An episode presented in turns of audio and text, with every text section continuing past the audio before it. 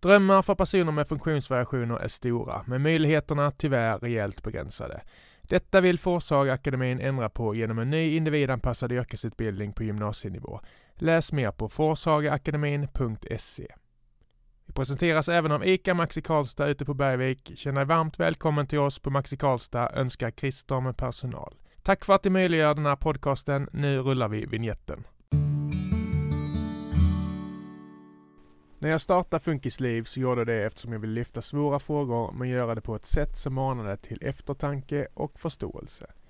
Min kompis Ulle Elfgren gör det bättre än oss alla och i detta bonusavsnitt så får han med humorn som verktyg fram en tydlig bild om hur det är att leva med assistent dygnet runt. Jag älskar dig Ulle för att du bjuder på dig själv och öppnar upp en ny värld. En delvis stinkande sådan. Här kommer den därför, succékrönikan Delad skam är dubbel skam. Uppläst av Ulles assistent och co-host Erik Appelqvist från deras podcast Torka mig i röven. Varsågoda.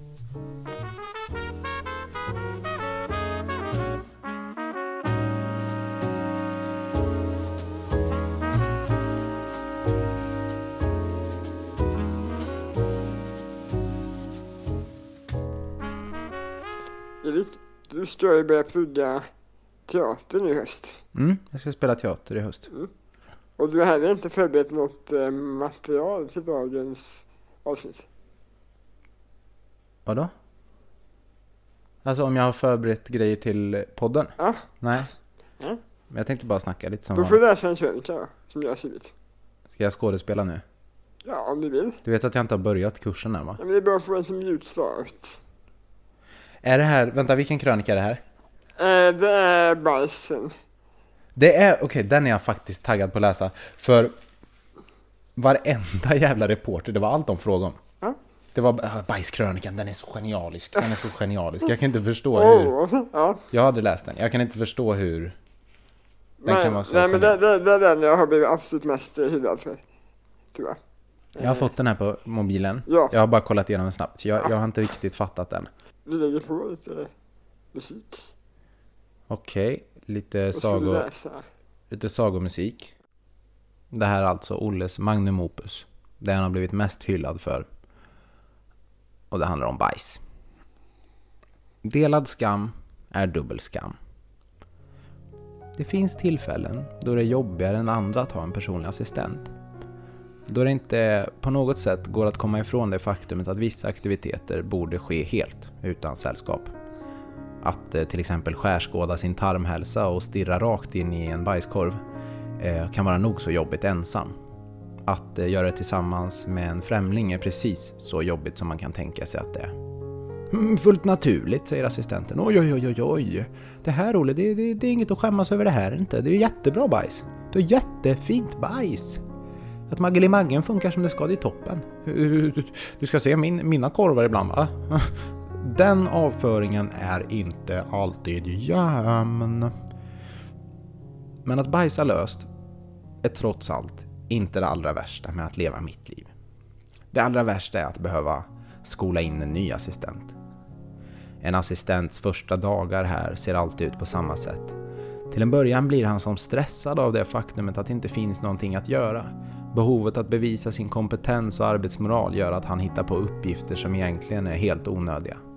Han diskar allt supernoga, bäddar om sängen flera gånger och så vidare. Men så efter ett par arbetspass så går det äntligen upp för honom. Mitt jobb är nog bara just det här. Att sitta på soffan bredvid en snubbe som är handikappad med min mobil medan han jobbar. Att käka chips tillsammans med honom på kvällen och byta tv-serieavsnitt ibland. Fy fan vad gött. Alla borde vilja ha det här jobbet. Hur fan kan det vara brist på folk i vården? Men förr eller senare så är det dags. Ofta sitter jag och jobbar eller så. Jag tänker över huruvida det går att knipa tills dess att det är passbyte och en assistent av det mer rutinerade slaget kan ta över. Men i regel så går det helt enkelt inte. Jag får oftast ta tjuren vid hornen på en gång. Nu måste jag bajsa, blir jag till slut tvungen att säga. Och det syns på honom att det är lika obekvämt att höra de orden som det är för mig att säga dem. Och då kan man tänka att den nya assistenten ska skynda på och sätta fart och lösa problemet, men icke. Istället börjar ett skådespel som inte är det minsta bekvämt för någon av oss. Ja, eh, är det nu på en gång då eller? Eller för mig kan det typ så här, eh, jag vet inte hur det är med din mage, men typ för mig kan det typ komma så att jag känner att jag behöver bajsa och sen typ bara försvinner det helt och så typ så här, bara går det över typ. Ja, you wish, tänker jag. Ja, men då sätter vi fart då. Borde jag typ käka min lunch innan det eller ska jag ta den efter eller vad känner du typ? Kul, kul, tänker jag. Nu måste jag verkligen bajsa. Och det är ju några moment som leder upp till plumset. Plums. Upp på skötbordet. Av med brallorna. Lyfta till toaletten. Och när allt är avklarat, då är det äntligen dags. Och redan här ser jag hur livsknistan försvinner i hans ögon. Det är något som slocknar där inne. Det går inte riktigt att backa för honom längre. The point of no return har passerats. En bajs inleds ofta, i mitt fall, av en kraftfull fis. Olle. Vad fan. Har du tvingat mig att läsa en seriös text och så sitter du och gör pruttljud?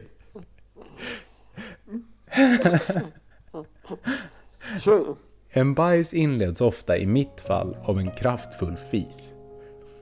Det här är problemet med att jag mest får i mig chips och läsk om dagarna. Och vid prutten rycker det till i dem. Här står eller sitter de alltså på ungefär en meters avstånd. Ögonkontakt är nästintill oundvikligt. De vill såklart inte se mig i ögonen men känner sig ändå tvungna att söka blicken för att fråga hur det står till. Blicken jag får av oskulden frågar alltid samma sak.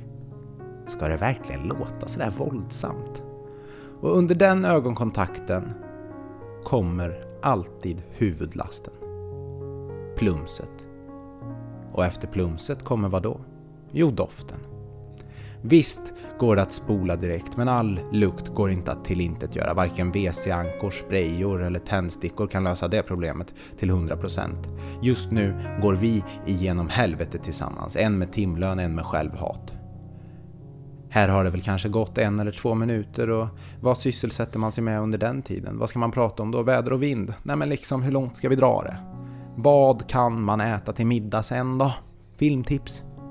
Det är ganska svårt, kära läsare, att hålla igång en spänstig dialog vid det här laget. Det kan jag säga på en gång. Men sen så är allt klart. Och då ska det torkas. Ibland är det kladdigt. Och då orkar de inte försöka hålla fasaden uppe längre, då är det kört.